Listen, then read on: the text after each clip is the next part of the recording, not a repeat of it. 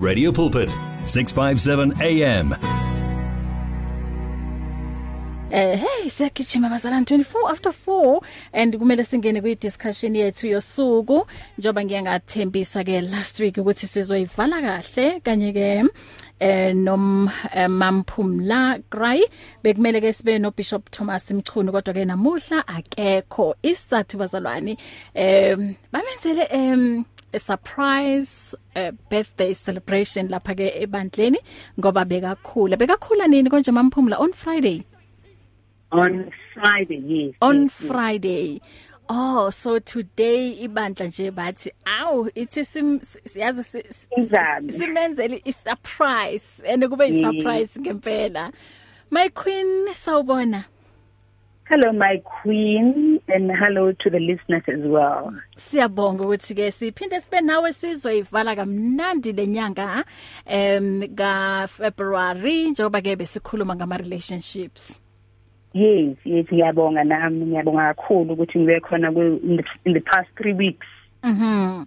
It has been a good good good good time to be with your listeners. Yebo and kuningi ngempela esikufundile eh ngoba ukukhuluma nje iqiniso yabona uma kuza eh, o- o- eh, endabeni yama relationships uma kuza endabeni yothando ngeke sithi hayi sesifundile si enough siyafunda usuku nosuku. Every day. yes ngoba abantu bahlangabezana nezinto ezingafani U- u- ubahle uma mhlawumbe semshadweni or uh, in a relationship zikhona izinto engizi experienceayo nawe Yes. kukhona uzi experienceayo bese ke uma sixoxa ngazo uthi awu kanti kunje? Omunye athi awu kanti kunje? Ngoba sometimes uma le eh, lezinto siyibukile singaphandle sitshela nje ukuthi yonke into ihamba smooth uyabona? So ingakho kumele nje sihlezi sifunda usuku nosuku uma kuza odabeni um loma relationships uma kuza Yes. odabeni um lwemishado. So sokukuningi sikhulumile eh mamphumla so sitheke kuleli viki asivale eh ngama relationships red flags okuwukuthi flags. you should never ignore and Mhm. eh, njengoba ke last week omunye umlaleli uye wakhuluma ngawo um ama ama red flags and then omunye wakhuluma ngendaba ye character um ukuthi ngesinye isikhathi character iyona emosha into enhle especially a, a bad one and omunye Exactly. yes wakhuluma ngendaba ye social media. So sithe nje asikuthathe konke lokho and then sikufake i- under i umbrella yama red flags. Red flags. Yebo. Ungaba bingelele emakhaya bese ke siyaqhubeka ngayo ingxoxo yethu. Yeah ngiyabingelela emakhaya ngosuku la ngesonto emva kwenini ngijabule kakhulu kuba khona kwi radio pulpit this afternoon with you guys. And ngiyathemba ukuthi kuzaba mnandi. Mhm. Namhlanje sixoxa nge ukuthi ukuthi ku yini okumele ukuthi umuntu akuqaphele yeah before a commit a relationship? Mm. Yes mhm. You know um ngithaqala nje ngicabanga ukuthi kubalekile kunalento uNkulunkulu asinike yona ukuthi the inner person or we put it as intuition. Mm. Immediately you meet somebody and they show interest ukuthi bafuna baku relationship nawe. Ikhona into zakutshela ukuthi kulungile na? Okona kulungile mm. But isikhathi esiningi we tend to shut down that inner person that is talking to us and say we are being judgmental and we are being um harsh to the next person because we feel we are ready to enter a relationship. Mm. So it's very much important that you listen to that inner voice. You Yeah. listen to that intuition. Because umuntu yena angaziveza bahle emuhle ekho konke okufunayo. Kodwa that intuition it never lies. Yeah. You know you ungahamba kahle e relationship then mawubona ukuthi uhlangana nenkingi ukhumbule ukuthi hey my intuition told me that there is something wrong. Therefore i shouldn't enter into this relationship. But we tend to ignore that. Mm. That is red flag number 1 the fact that you ignore what your inner person is telling you. Yeah. Because that's what God has given each and every one of us to sense. Mm. Ukuthi i i- i direction ezawuhamba ngayo le relationship intoni na. So kubalekile ukuthi siyimamele yeah. Yebo. so i- it's true ukuthi uma mhlawumbe kukhona into engakunikezi ukuthula mhlambe eyenzakalayo o ekhulumekayo in a relationship um ungayizibi ethola ukuthi isusa sokuthi why ungabi ne peace ngayo leyo nto iyini Exactly. Mm-hmm. So it's very much important when you don't have peace about something, yeah you take a step back mm and you ask yourself, why don't I have peace? mm You know? Because what we tend to do thina mahlangana nabantu senze excuses for bona. Ah, Maybe because, maybe because. mm And in the long run, if you had listened to that inner person, because umuntu mayifika empilweni yakho bahle, ufika e-right kakhulu ngazo zonke indlela. mm. Because uze efuna i-relationship and ufuna ukuwina or ufuna ukuthi aphumelele. So if you listen to your inner person that peace that you get that amen that you get mawungena ku relationship ibalekile and that no you know that says to you ah uh -uh, ikhona into wrong lapha. Ayize bahle. Yes i'm listening. Mhm yes yes. Okunye futhi engibona kuyinkingi if uhlangana nomuntu o- one trust issues. Mm. You know? Yeah. Umuntu o o onga- ongathembi nje oloke kuchecka ukuthi whatever you are saying is the right thing Mm. and lo muntu lokuthi ukuthi uzokwenzela inkinga endleleni. Mm.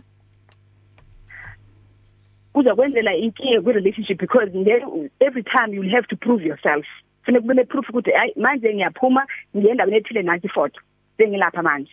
And it becomes a burden in the long run. You cannot maintain that standard. It's true. And Mhm. abantu siyavuma ukuthi baphuma kwi relationship ez- ezahlukene. Sometimes umuntu uphuma lapha be- bedlalo kakhulu okanye bebemgangeli kakhulu. Mm. So kube nzima ukuthi atrust but if you open up to the next person to this is where I'm coming from. Therefore I will come across as a person who has trust issues. Mm. And yet if you we build them along the run and you make me to have you know to trust you Mm. because the trust you earn. Mm. but there are people nje abane trust issues nje ungazi ukuthi zibuya kuphi you know? Mhm that person there's a big red flag. You know? You Yeah. need to let them work on themselves Mhm. first yabona? Ukuthi bazazi ukuthi bazithembile bona. So kulula ukuthi mawuzithembile wena umthembe nomunye umuntu. Mm. Because a relationship where there are trust issues it, it, it's a challenge. Yeah. Yolokuba nezinkinga mhm yabona? Mhm and okunye futhi sendikubonile ukuthi nje bethina sesikhulile ikakhulu kakhulu sihlangana nabantu abanabantwana. Be it umuntu wesilisa ukhulisa abantwana bakhe or umuntu wesimame ukhulisa abantwana bakhe. Kubalekile bahle ubheke ukuthi lo muntu lo ukubeka ndawo nempilweni yakhe. Mhm. If lo muntu lo uloke beka abantwana bakhe phambili phambili wena you you almost like the last resort. Yabona? Mm that's another red flag that we ignore. Mm. Ukuthi mawungena the person must is supposed to be able to balance ukuthi uthando lo lokuthanda abantwana bami nothando lokuthanda umuntu eh, engithandana naye lwahlukile mm. And lonke lubalekile mm. So if somebody lokuhleli naye athi hayi abantwana bami hayi abantwana bami hayi abantwana bami that's a red flag. Mm. Because wena uzawuphila impilo yokhompyutha yeah that's the And problem com- yeah. and, and and that's a challenge. Mm. So you cannot ignore that. You need to take note of that and address it possibly or if you feel uh, this person is adamant ungumuntu lo ongafuna umamela when it comes to that angle. mm Yeah, but then you step back. I believe in one thing that you'd rather be happy alone than in be in a relationship or in a marriage and be miserable. true So you always choose to be happy than to be miserable. Mhm and be aware that other situations you cannot change. You can only change yourself. Mm mm yekho umthinto umuntu ohlangana naye. So it's a red flag if umuntu akakubonakalisa ukuthi ngihlangene nawe bahle and ubalekile empilweni yami. Mm. Yabona? Mhm. so those are the things that i feel you know it's very much important that umuntu nje phamba angene ku relationship azibheke. Yabona mhm okunye futhi ngisaqhubeka njalo umuntu nje o non committal Mm. you know umuntu o o o mawujobi i track record yakhe ama relationship yena ehlele nje uyaphuma uyangena kuma relationship uyaphuma uyangena kuma relationship yabona Mhm. akana relationship lapho is stable Yeah. athi hayi yabona lapha ngeke ngahlangana nomuntu sahlala isikhathi eside Mm. because eneneni makuhlangana abantu ababini you don't expect things to anifani nikhuliswe ngongafani Mm. so awukwazi ungena kwi relationship when you expect into ukuthi bazawurana smooth so which means umuntu ophumayo immediately abona kunento kunenkinge that person has a, a problem of committing Mm. that means now uzawufika once kubekho i challenge Mm. immediately so you need to to to, listen mani kusakhuluma kusaqala listen ukuthi lo muntu uhambe kanjani empilweni yakhe Mm. if beshadile ushade isikhathi esingakanani Mhm. and zithini izathu lokuphuma kwakhe emshadweni Mm. or if akashadanga okay bebekho yakhona na kwi relationship a stable enesikhathi Mm. uyabona because if uthi hayi mina bonke abantu engihlala nabo abarongo sometimes imino mawukhomba omunye imino lesele mina ikhombe wena Yeah. Mhm. uyabona so kubalekile ukuthi what's important is that not usizande esamamele lapha ukuthi must never be des- desperate for a relationship Mm. because when you are desperate you grab anything that comes your way you know bengisaxoxa nomhlobo wami the other day ngimtshela ukuthi yazini 2018 bengishada you know but kwatholakala ukuthi there was a non disclosure i mean so there's something that this person never disclosed. Yabona? So kubalekile ukuthi umuntu onaye angakuthusi yezinto ezibalekile ebe ngumuntu open ochaza izinto ezibaleke like okay mina ngine diabetes mina ngi- yabona? Into ezinjalo. Izinto ezi eze eza affect amaniphila nonke. Hello? Ngelalela Have ma. a seat. Mhm. I'm I'm listening. Ngisase nawe. yes Mhm. yes yes so it's very much important ukuthi ezinto lezi siqaphele singabantu abasingle ukuthi yazini kumnandi kona ukuba ku relationship as Maslow's hierarchy of needs yasho ukuthi one of the psychological needs is to be in a relationship it's a need that everybody wants Mm. but as much as you want that then you need to be able to notice these red flags Mhm. ukuthi y- you know this person ngeke sihamba isikhathi eside Mm. ngendaba yoku yoku loku loku okunye futhi umuntu o yazi siyaphilisana mothi singabantu bahle Yeah. if uhlangana nomuntu ni relationship lo muntu lo ibe nguwe kuphela umuntu ofonayo kuwe kuphela umuntu omnikeza ipresent kuwe kuphela umuntu o- othanda othanda kakhulu if it's a one sided you can feel it Mm. you know ukuthi yini kuphela manje osebenza lapho lo muntu lustingy if ngithi anginamali and ukwiposition yokuthi angangisiza because we relationship we are building something we are committed Yeah. It's Yabo? uh, uh, it's not And about mina- taking only. yo yes Yes. it's a you know it's a give and take situation Yes. Mm. so futhi uqaphele ukuthi lo muntu nona ungumuntu ostingy or, or generous na Mm. because umuntu awukwazi umshintsha bensengishilo. Mhm. so kubalekile nje ukuthi uhlale phansi uzibuze ukuthi lo muntu lo ungumuntu onjani. If umuntu ustingy uzakusokolisa theni shadile Yeah. ngoba fanele umuntu akwazi ukuthi mawusithi hey kwehle okuthile nokuthile and ekwiposition ukuthi angakusiza akhona ukusiza. Mhm.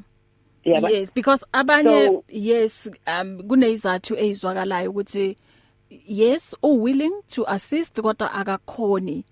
But now Mm. kube izizathu oyibonayo uh, as you, as you saying ukuthi akusindaba ukuthi lo muntu ustingy it's because akakhoni nje qobo exactly Mhm. exactly Mm, mm. that you can assess uyakwazi uyibheka lento uyasazi isimo somuntu wakho andi yes mm but ube umuntu nje ongafuna uluza any cent yena but know, there is a need maybe you- guys want to go somewhere and wena uyashota mhm athi hayi ke masilinde sibe nemali sonke. Then you can sense that lo muntu lona ustingy it's not like akanamali yes. But uthola ukuthi uma kuza ezintweni zakhe yena he can he or she can afford. Exactly. But when it comes yes when it comes to kuwe ukuthi akusize always money is not there Hmm.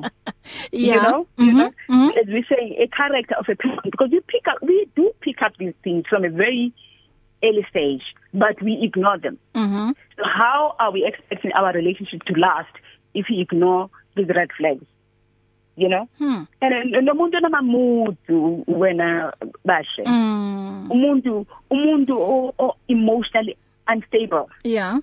Namhlanje uyakuthanda uyakuthanda uyakuthanda. Kusasa unyamalela awusamazi u- ukuphi uzofika ni uzawufona okanye uzayiphendula ifone those are the signs that this person is not stable. Wena uzohlala nje une roller coaster yempilo nje.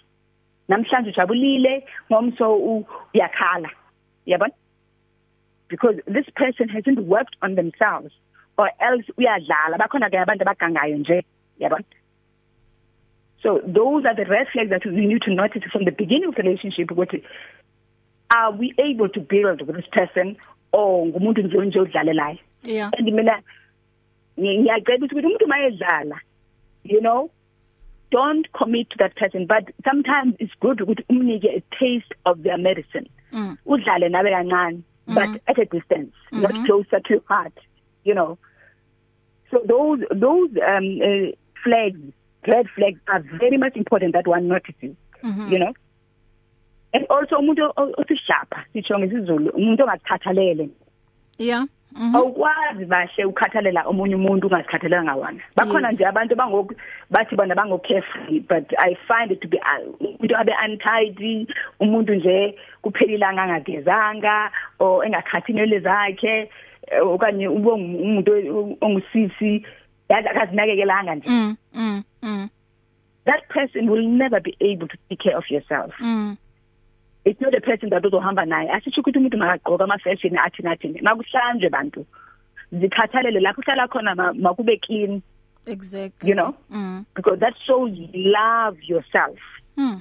how do i give you something that i don't have Mm. you know Mm. so if i don't love myself how am i going to love the next person so you can pick up those things umuntu aqala uyambona umuntu ugqoke kanjani if ugqoka amashoti ufaka iziliphasi nemall ecama ukuthi hey yazini ku right kona ukuthi umuntu a- a- abe right akhululeke nje Mm. but there is certain standard you know the basics Mm. ukuthi mawusiphuma uye endaweni ethile fanele at least u- u- uzigqokelele kahle ungumuntu Mm. Mm. So a person that doesn't care of themselves run away from them. You know, you'd rather be alone than be with that person because in the long run uzakubonisa. Yeah. Okunye kubuka futhi ukuthi you, you watch how a person treats other people. Mm. Don't say kuba ekhuluma kabi nosisi ose shop okanye usisi oserver eh, for a dinner whatever. Cabanga ukuthi hey this other waitress she deserves that. Mm. one day it's going to be you. So watch how your partner treats the next person. Mm. Watch how they explode when you have conversation, how they de- deal with themselves, Mm. because that shows the character of who they are. Yeah. So those are the red flags that our we need to to to be watchful of. Hmm. Ukuthi lo muntu lo uba treata kanjani um- omunye umuntu Yeah. angakuchithi kahle wena kuvulela amacango enze konke lokho enze kanti mayidibana nomunye umuntu o Yes. ubhuti olapha elantweni security Yeah. umbheka nje akabingeleli akuthini those are the things that we need to pick up Mm. because you are building uh, something solid with this person hopefully Mm. Mm. So these red flags we tend to ignore them and in the long run uzibuza ukuthi maye kukhaba la endlini or maye kuthuka or maye kulahlela ngefoni. Mm. hey uzibuza ukuthi how can he do that to me or how can she do that to me? You know?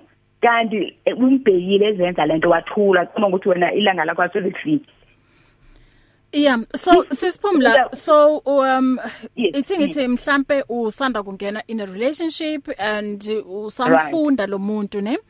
And then kuna Yes. some other things ozibonayo ukuthi hey mara la ngathi akuhambi kahle. Um mm. then bese mhlawumbe umthole kuumuntu o single. Um singenze nje umzekelo like maybe um umuntu ubaba ne? And mhlawumbe akakwazi uku ithi sithi unomuzi and then mm. maybe akakwazi ukuklina kahle yabona nje ezinye izinto and mm. um ukhulume nangendaba ye eh yeah mhlambe wena ungumuntu o giving and then always mhlambe uyam surprise ngama gifts and all and all those things Mm. Ithi sithi lo muntu mhlambe uhleli isikhashana em esingle enganamuntu and then lezo zinto sesiphumile maybe kuyena. Ungamnikeza isikhathi esingakanani? Um maybe ukumbonisa ukuthi you know what mina yingalendlela engifuna ukuthi mina nawe siphilisane ngayo. Mina mm. i'm this person uh, angifuni umuntu onama trust issues. Um mm. enye ama red flags ukhuluma ngayo ama trust issues and then mm. wakhuluma indaba yoku mhlambe uyamthola usisi bekayihlalela nezingane zakhe and then um obviously most of the time kusho ukuthi uchitha isikhathi nabantwana bakhe and then mm, wena mm. uma uzongena kulobo budlelwani uku adjust mhlambe kuzothatha isikhashana and then um ama moods ukhuluma ngendaba ama moods mhlawumbe umuntu ohleli isikhathi eside eyedwa and mm -hmm. then um, uzokutshela ukuthi hey mina ngithanda isikhathi sami nje ngingedwa uya understand mm, and mm, then mm. yeah so u, u kumele mhlawumbe umnikeze isikhathi esingakanani like to find out ukuthi yebo lo muntu lo ngingakwazi ukuphilisana naye but uma mina naye singaqala sa understandana ukuthi you know what mina i'm this kind of a person angithanda ukuthi umuntu ageze bathroom ashiye mm. amanzi wakhe so mm. singa singasizana lapho ukuthi mawuqeda ukugeza wash i bathroom or i shower um mm. iexample nje engikunikeza yona yes mm. uthatha isikhathi esingakanani mhlambe lapho uzothatha khona isinqumo ukuthi hayi cha lo muntu ngiyabona ukuthi akayimisele nje ukuthi mina naye sakhe o siye phambili nge relationship or sigcine singene emshadweni. Mm mm eneneni bahla kunamuntu perfect. Yes. Wonke umuntu unamaphutha akhe. Mhm. But okubalekile ukuthi mawu relationship fanele ukhulume ngokubonayo ukuthi kuza kusukumeza endleleni. Mhm kuza kuphatha kabi. Manje mangikhuluma nomuntu singena kule relationship ukuthi yazini baba ngakuhle ukuthi ungageza ibafu mawuqeda. Mm. Which means mina maybe first time I I I I geza andit yeah. ngikhuluma naye afterwards. Mm. but now if there is a pattern because what there are things and manihlangana nobabili senikhulile no over 18 years. Mm. So there are things that you need to tell yourself ukuthi yazibona le ngeke ithintshe or is this person willing enough to change? Because you can sense how apologetic they are. With bayaxolisa and futhi abaphinde bayenze lento obabayenza iba yi mistake so you need to be sensible enough as well. But if there is a pattern eqhubekayo ukuthi hayi lo muntu lona dibangathi wena isithando awaphendule amafoni ngama umzekelo for instance. Awaphendule namafoni after 8 o'clock. Manje if iyenzeka every day lonto leyo noko awudingi isikhathi because what we do thina sinikeza umuntu isikhathi esiningi and siyalimala endleleni because the more umuntu unikeza isikhathi the more wena uzawulimala. Yabona? Or the more uzayijwayela le ndaba ubone ukuthi hayi inoba indlela okuphilwa ngayo le. Mm. Yabona? So what i'm trying to say is that the first time second and third maybe fourth uyamtshela ukuthi thanda angiyithandi lento mm-hmm. and okubaleke how you tell them. Yeah. So you need to tell them in a loving way. Mhm yabona mhm ukuthi yazi lento le iyangisaya mina athi ukuthi mangikhangela ngangifundise ungaphezulu balekile. But if is a pattern nawe ufuna uvuke emcabango ukuthi yazi ngeke ithinte lento mm. Do i stay in this relationship or do I wash my hands? Ngithi yazini ngikhulumile. Mm. As i said akunamuntu perfect that you're going to walk away from everybody onga nazo izinto onazo because asikhuliswa ngokufanayo. Mm. But khuluma be open. Tell the person next person ukuthi lokhu lokhu lokhu unganjani ukuthi singakwenza ngoluhlobo and umnike futhi izizathu zaloko okuzawubenefita nina nobabili mhm yabo? Mhm it's not mustn't be up to you? Because once you enter into the relationship it's no longer about you. So you you you you must compromise. Very much important. Mm. Yebo but now uhlangana nomuntu athi lo muntu hayi mina nje yangithatha or yang then that means there is no room for improvement in that relationship. Mm. That means it's a big red flag that wena uzaba nenkinga zokuthi lo muntu lona akekho prepared nje utshintsha mm. Uhlalelani ke manje mm so isikhathi True. Yeah. Mamphumla? Mm. Okay, um ngathi network yethu ithe ukusilahlekela, ithi ke ngenze kanje. It's difficult to face the overwhelming pressures of life alone. Sometimes we just need someone to talk to, someone to listen to us. And what better way to do that than through a quick and easy WhatsApp text? Whether you're having a hard time coping with school, family issues, being bullied, depression, or anxiety, speak to someone who cares today. Send a WhatsApp message to 064 530 6805 or 074 995 9085. Our I Am Youth Counseling team, Charles Dudoy and Danny Vambili, are ready to connect with you today. Come live the life at 657 AM. 657 AM. You can now buy your favorite programs and series of the past 38 years on eCompanion, Radio Pulpit's own online shop. Revisit programs by beloved presenters like Justice Chungu, Cecile Burger, Esti Geldenhuys, and Pastor Aaron Jelle. Books and CDs from various authors and artists, as well as Radio Pulpit t-shirts, caps, and other branded products will also be available on eCompanion, your one-stop soul food shop. Visit radiopulpit.co.za and click on shop. T's and C's apply.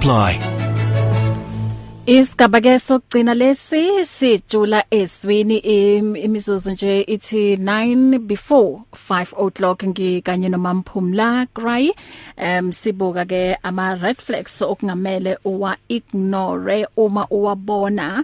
Em lapho mhlawumbe usaqala khona ubudlelwane nomuntu. Em amanye ama red flags awabalile i- um, um, i trust ama trust issues. Um ucomputer mhlambe nezingane zakhe uh, you know ngathi manje awusazi ukuthi okay kwenzakalani la um all the time? Sengathi manje wena uza emuva ingane all the time ngathi yizo eziza phambili. Um aw aw- aka- akakwazi ukubalansa um mhlawumbe lo muntu ongene naye ebudlelwaneni anabantwana. Um niyakhuluma ngendaba ye mhlambe lapho uma khona kuma relationships wakhe mothi uyabuka wonke nje our our last ama relationships wakhona. Um indaba yokuthi always yena uvule isandla uyamukela kodwa kumele mhlambe asize wena akwenzakali. Moods ezinye ama red flags awabalile umamphumla um abantu who can take care of themselves and nokuthi ubuke futhi ukuthi umuntu onayo ebudlelwaneni utreat the next person ngayiphi indlela. Mamphumla yes bashe. Um ngiyathemba ukuthi um so far ngiwa eh, ngiwabale wonke ama red flags osinikeze wona for today. Yes you have. Okay. Asiye la ke kuma WhatsApps um afternoon uthi thank you so much. What a powerful topic about in intuition um uthi 2 years back I was supposed to get married but uthi nje kwabakhona into um kuyena em- emtshelayo ukuthi hayi man ku- kukhona oku wrong. Athi watshela abangani bakhe uthi eh, ekutheni akasafuna ukuqhubeka nomshado cause um uthi there is something about leyo marriage uthi uNkulunkulu uyakhuluma in a small voice um mm. kanye nabantu bakhe so kusho ukuthi azange ke asaqhubeka elana usisi o ubhudangazi um ngalo mshado okay mm. omunye lana uthi sisibahle and and Pumla I may sound controversial but Paul says our remaining time is short 1 Corinthians 7:29 uthi it seems as if as people we are very much concerned about uh, relationships. We have forgotten that we must live for heaven that is permanent. Uthi good people let us seek the kingdom. Uh, uh, let us seek the kingdom. Um okay others what what? Uh, God will take care of them. Uh, ulusi ngale emfulo um okay uh, sis Lucy uh, asizwe mm. la ke uthini ukhalimambo sizihlalela i voice note Yebo nkosazana, yebo nkosazana siyabingelela sibingelela nayo pastor lapho. Eh bona bomama ziningi izinto lezabadibana nato la emshadweni la. La ekugananeni kakhulu khulu basazwana abantu. bomama bahlangabetana nabantu laba abangekho kahle kakhulu bangekho kahle kodwa kukhona bobaba laba bakahle athi kumama kufuna ukuthi abe nemali ingane kamama iyadla iyagcoka ayisemashopho la adurile.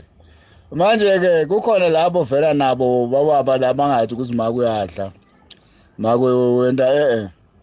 Manje litinye into ufuna sifundisane manje abobaba ngesinye isikhathi baba nenkani ukuthi wena abasho ukuthi ngumama phela ukuthi wena unje kufuna wonke into uyenze la.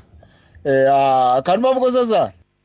Kalimambo okay um mamphumla uma sibuyela ku ndaba ka umamlusi emfulo yes um uyazi ngesinye isikhathi um i don't know ukuthi mhlambe ngizoyibeka ngendlela e right i believe ukuthi ukuze sibe right um ukuba right mentally and mm. emotionally kuyasiza mm. Um when it comes to impilo kamoya like spiritually um mm. cabanga mm. you are in a marriage okuthi you are abused mentally or emotionally or in a relationship uyabona ukuthi mm. when it comes to izinto ezikamoya always kuzoba khona i distraction so mm, that is mm. why sikhuluma izinto ezikanje ngoba sifuna ukuthi abantu babe right mentally abantu babe exactly. right emotionally mamlusi mm. angiyiphikisi into oyikhulumayo ukuthi yebo isikhathi esinca esisele sincane kodwa cabanga sisine sisebandleni ibandla lilimele because of um lapha ekhaya kumnandanga kumele eze sontweni azopretenda um ukuthi everything is okay so siqala mm -hmm. lapho ukuthi asilungise si si silunge mentally silunge futhi um emotionally yes. So angazi mm. wena mamphumla what's your take kudaba kumama Lucy? Umama Lucy ukhuluma kahle. Yeah. Ayikho into wrong futhi ayikhulumile kodwa i don't think uyawaqaphela ukuthi sikhuluma because ngufebruary yes. and the topic is relationships. Mhm everything we need to address it. Yes. Like inyanga yabomama sikhuluma ngabomama. Manje sikhuluma ngendaba yothando mm -hmm. not because we are focusing on love. Yes. Mm -hmm. only on relationship. I think we miss that that we are speaking on relationship because this month has been dedicated to love. Yes. And so uthando libalekile nakhona. Yes. Ngoba ilona futhi elisikhulisayo even nakule journey yethu yokukholwa. Exactly. Aha. exactly. Balekile uthando futhi uNkulunkulu uluthando. Mhm and uNkulunkulu nguye wenza ama relationships mhm you know he's a god of relationships.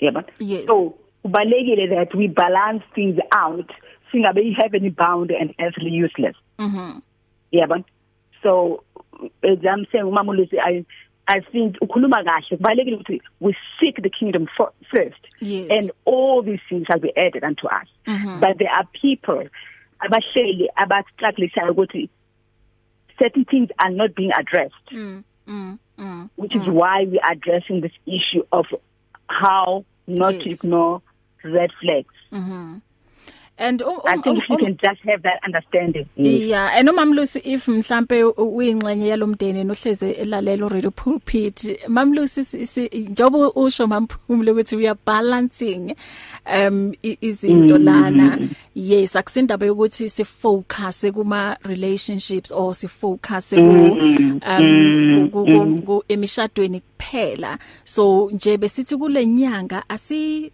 xoxe kakhulu ngendaba yothando. Asi asivuseleni lo yamlilo eh emishadweni. Abantu babuye ba yazi kube mnandi nje uyayibona leyo nto. Mamphumla sinomzuzu owodwa um uma nje siphuma ungathini? Ngiyagcina ngo Matthew 6:33 lo nje sengithile that seek first the kingdom of God uh -huh. and his righteousness. Mm-hmm. And all these other things shall be added unto you. Amen. Amen. When you seek the kingdom of God, mm. you become content. That means when you meet the next person, you are not toxic. So what makes which is a that's a relationship flag that when awuzazi ukuthi ngubani therefore kubalekile ukuthi uzazi qala qala ufuna ukukumkani kaNkulunkulu and from there all other things shall be added unto you. You'll find yourself in the word of God of who you are and it will be easy for you to know what doesn't work for you nohlangana nomuntu othize ofuna ukuthi ningene ku relationship. Amen. Mamphumla thank you so much ukuthi sibe nawe eh kule nyanga yonke ka February and ngithi happy belated kumfundisi umkhulu la ekhona siyazi ukuthi uya celebrate uyazi kumnandi nathi celebrate nawe Pastor Mchunu. Um utholakala kuphi Mamphumla? Okay, I'm on Facebook, um Twitter and Instagram as Pumla Grai. Mhm. Ilapha without an H. Yeah. Yes, and on WhatsApp it's 061 428 3355. Ngicela uyiphinde ka WhatsApp.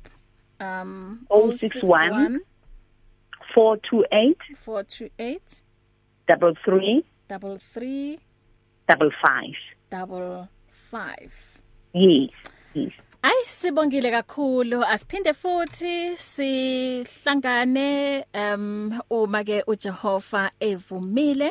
Amen amen. Thank you so much bashe Mhm luqhubeke nje usuku lakho Thank you so much nakuba Yes. aha ungaqhubeka?